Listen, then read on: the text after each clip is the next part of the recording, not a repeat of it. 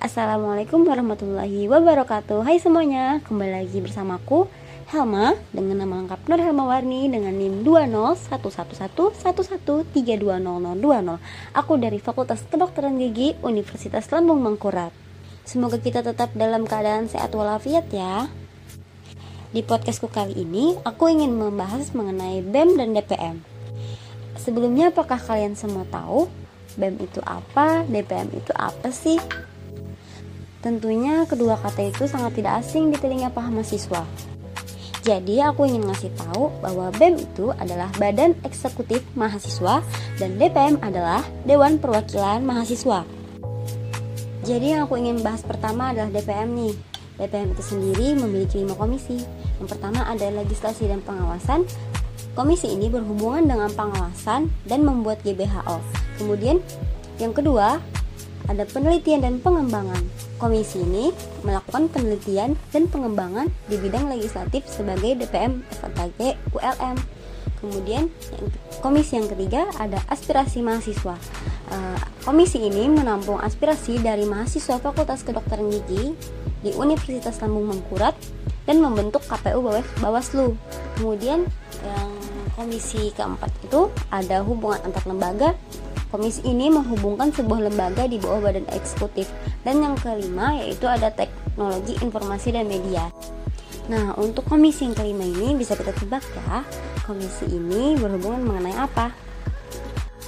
Nah, mari kita lanjut saja untuk pengenalan BEM, yaitu BEM itu sendiri mempunyai 6 departemen dengan dua biro.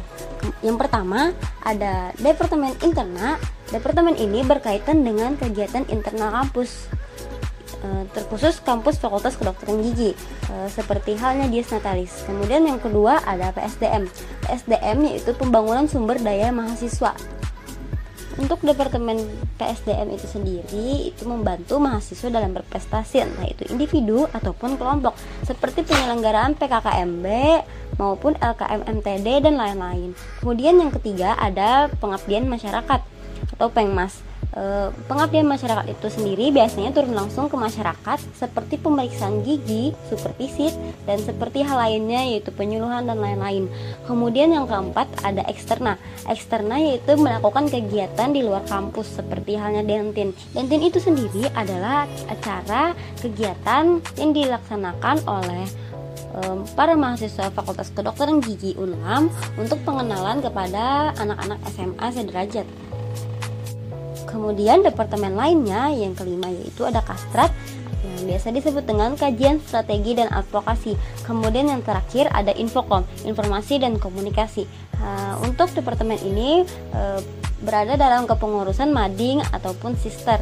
Kemudian BEM itu sendiri mempunyai dua biro loh. Yang pertama ada biro litbang dan ada biro danus proker dari Danus yaitu untuk menghimpun dana seperti dari menjual alat-alat kebutuhan Fakultas Kedokteran Gigi Unam e, terkhusus yaitu untuk para mahasiswa baru di FKG.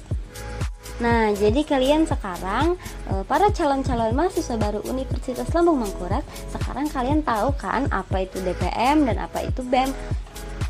Tentunya jika kalian berada dalam lingkungan Fakultas Kedokteran Gigi di Unlam, itu kalian harus tahu mengenai hal itu karena DPM dan BEM itu sendiri sangat berperan penting dalam lingkungan kampus serta pencapaian-pencapaian kampus untuk mendapatkan akreditas terbaik. Siapa nih dari kalian yang mau berpartisipasi jadi anggota DPM ataupun BEM?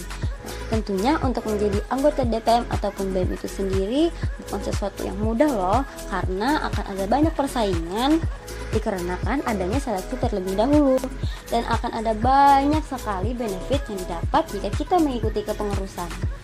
Yang tentunya adalah kita akan mendapatkan relasi serta kita akan lebih banyak mengenal para kakak-kakak tingkat yang pastinya akan sangat membantu kita apalagi kita para mahasiswa baru dari yang tidak tahu menjadi tahu, dari yang kurang tahu menjadi lebih tahu. Sepertinya sudah cukup dari aku ya, sekian dulu deh. Dikarenakan kalau terlalu lama juga ngebosenin ya kan. Oke baik, itu aja dulu dari aku. Sampai jumpa di pertemuan podcast berikutnya. See you. Wassalamualaikum warahmatullahi wabarakatuh.